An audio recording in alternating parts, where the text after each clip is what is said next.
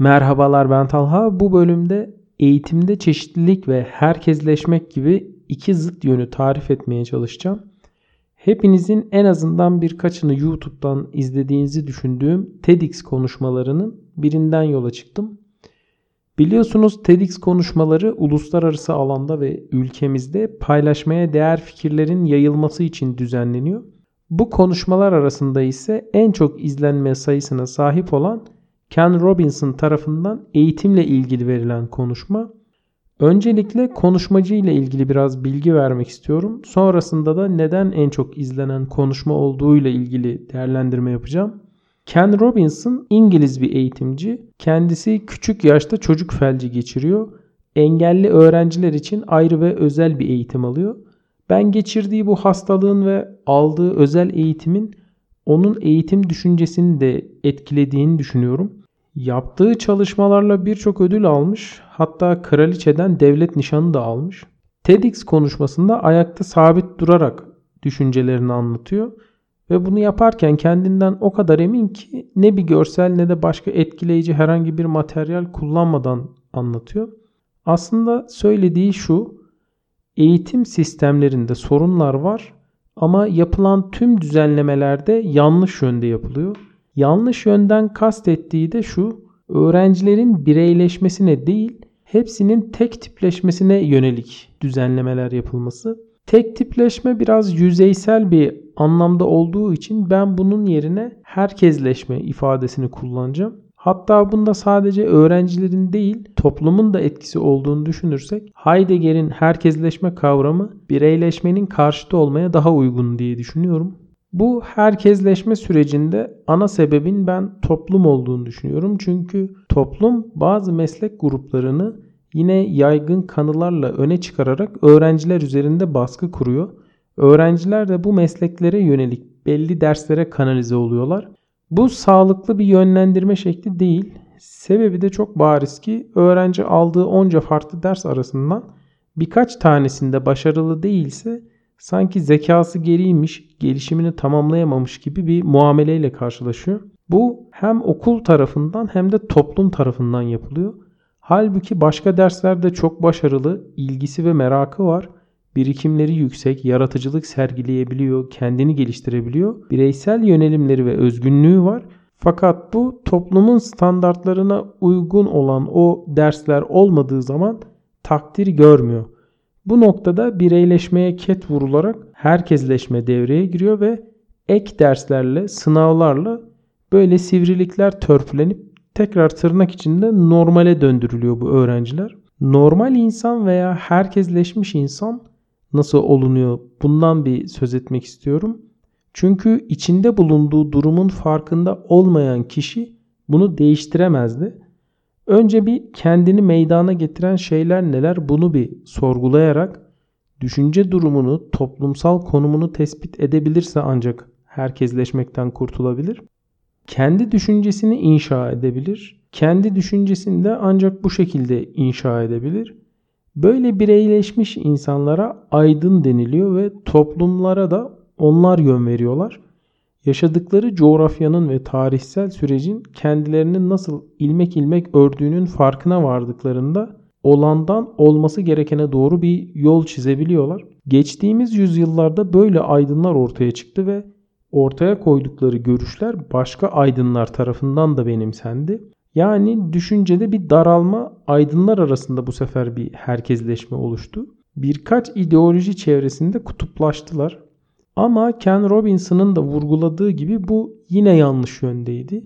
Tek tipleştirici, bireyselliğe engel olan, çeşitliliği yok eden tek perspektifli sistemler artık postmodern dönemde terk ediliyor. Sosyal medyayla da birlikte çok seslilik, çeşitlilik ve mikro hesaplarından görüşlerini anında bildiren çok perspektifli bir zaman dilimini yaşıyoruz. Farklı görüşler birbiriyle etkileşime girip yine belli başlı görüşler etrafında birleşiyor. Herhangi bir fikri olmayanlar bile bu ortak görüşe katılıyorlar. Peki bu kötü bir şey mi diye soracak olursanız benim buna cevabım kötü değil de aptalca olur. Çünkü Cahil Hoca kitabında yazar şöyle diyordu. Bir zekanın başka bir zekaya tabi olduğu yerde aptallaşma vardır. Üzerinde uzlaşılan fikir duruma göre çok iyi de olabilir, çok kötü de olabilir. Yararlı bir düşünceye destek kampanyasına da katılabilirsiniz. Masum birini linç etmeye de ortak olabilirsiniz. Yine Ken Robinson yaptığı konuşmada şöyle bir iddiada da bulunuyor. Sizler de bunu kendi ailenizde, çevrenizde görmüşsünüzdür mutlaka. Aynı anne babanın çocukları bile birbirinden çok farklı oluyor. Birisi çok konuşkan, diğeri çok sessiz, biri çok hareketli, diğeri çok sakin, biri içe dönük, biri dışa dönük. İkizler bile birbirinden çok farklı olabiliyor. Sadece insanlar için değil, kediler için bile karakterleri, davranışları, ilgilerini çeken şeyler birbirlerinden o kadar farklı oluyor ki. Gen Bencildir kitabında Richard Dawkins şunu ifade ediyordu. Bizleri meydana getiren genlerin asıl amacı kendini kopyalamaktır. Genler hayatta kalmak için de bedenlerimizi sanki koruyucu bir silah gibi kullanıyor. Kitabı okuduğum dönemlerde bu sözleri beni hayli düşündürmüştü. Ama sadece kendini kopyalamayı değil, çeşitliliği de arttırmayı amaçlıyor olabilir genler. Diyelim ki gen teknolojisi gelişti ve artık toplumun beğendiği ve beğenmediği bazı özellikler genlerle kontrol edilebiliyor olsun. Herkes çocuğunun aynı özelliklere sahip olmasını isteyecektir. İdeal bir erkek ve kadın modeli oluşacaktır. Diyelim ki isimleri Ahmet ve Ayşe olsun. Giderek tüm çocukların Ahmet ve Ayşe olarak doğduğunu ve bir yerden sonra yalnızca Ahmetler ve Ayşelerden kurulu bir toplum haline gelmesi gibi bir şey söz konusu olur. Genler üzerinden düşününce biraz ütopik gibi oldu ama aslında eğitim üzerinden de yaptığımız bundan farklı değil. Öğrencilerin değersiz görülen bir derste başarı göstermesi takdir görmüyor. Aksine bunlarla uğraşıp önemli derslerden geri kalmasın diye baskı yapılıyor. Eğitim kurumlarına birbirinden çok farklı anne babaların yine birbirinden çok farklı çocukların topluyoruz. Yani muazzam bir çeşitlilik var aslında okullarımızda. Aslında bunu her öğretmenimiz yakinen daha iyi bilir. Biz bu çeşitliliği bir şekilde kurutmayı başarıyoruz ama nasıl oluyor peki bu? Şöyle toplumun çocukları için istediği belli birkaç meslek var. Herkes kendi çocuğunun bu mesleğe ulaşabilmesi için diğerlerinin önüne geçmesini istiyor. Bu belki dönem dönem değişebilir ama her türlü toplumun bellediği bir standart var ve buna uyan her öğrenci de herkesleşmiş oluyor. Böyle bir beklenti içinde olduğu için toplumu suçlayabilir miyiz? Bir nebze anlaşılabilir bir durum çünkü toplumu en çok ekonomi ilgilendiriyor. Hangi meslek daha garanti kazanç sağlayacaksa herkes ona kanalize olacak. Hangi dersleri gerek duyacaksa da onun dışındakiler önemini kaybedecek. Peki neden daha çok kazanç getiren meslekler değildi, daha garanti kazanç getiren meslekler? Çünkü insanlar genelde risk almayı sevmezler ve riski az olan garanti meslekler toplumda daha genel kabul görür. Aynı şekilde risk almamak da herkesleşmenin bir başka nedeni oluyor bu durumda. Okul içerisindeki sosyal ortam ve öğrenciler arasındaki etkileşimin yüksek olması da toplumsal uzlaşıyı arttırır. Ama bir yandan da kendi aralarında bir homojenleşmeye, bir herkesleşmeye neden olur. Eski ve felsefi bir paradoks burada aklıma geldi. Mutlaka duymuşsunuzdur. Teseus'un gemisi diye bir paradoks vardır. Kısaca şu şekilde. Teseus isimli bir adamın eski ve ahşap bir gemisi var. Diyor ki ben bu gemiyi yenileyeyim. Bazı tahtaları söküp yenileriyle değiştiriyor.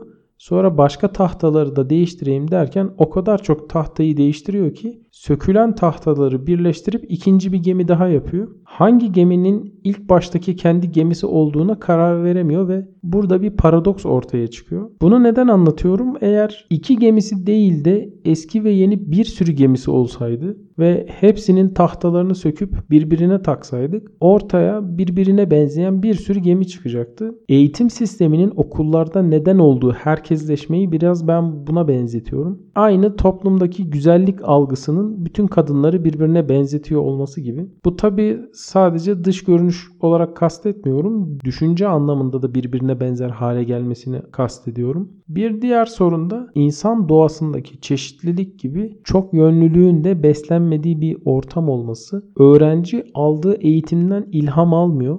Herhangi bir merak da duymuyor. Eğer olursa da kazancı garanti bir mesleğe veya toplumsal statüye fayda sağlamayan bir meraksa bu motivasyonu bozuluyor. Sürüden ayrılmasına müsaade edilmiyor kısaca. Biraz mekanik ve tek düze bir eğitim anlayışımız var. İnsanın organik ve tutkulu yapısına aykırı olarak bahsediyor Ken Robinson bundan. Yine bir başka TEDx konuşmasında bahsediyor. Kısaca herkesleşerek mekanik ve tek düze bir eğitimi takip edersek iyi bir meslek edinsek bile bunu tutkuyla yapma ihtimalimiz çok düşük. Mesela kendi adıma mesleğimi tutkuyla yaptığımı çok da söyleyemem. Belki başka bir alanda ilham ve tutkuyla daha verimli çalışabilirdim. Daha fark yaratıcı çalışmalar yapabilirdim. Ama ben kendim bile neye ilgimin ve merakımın olduğunu fark edemeden üniversiteyi çoktan bitirmiş haldeydim. Bu arada herkesleşme kavramını ben burada biraz yüzeysel kullandım. Bunun daha derin felsefi bir karşılığı olduğunun da farkındayım. Yine de kullandım çünkü sıradanlaşmaktan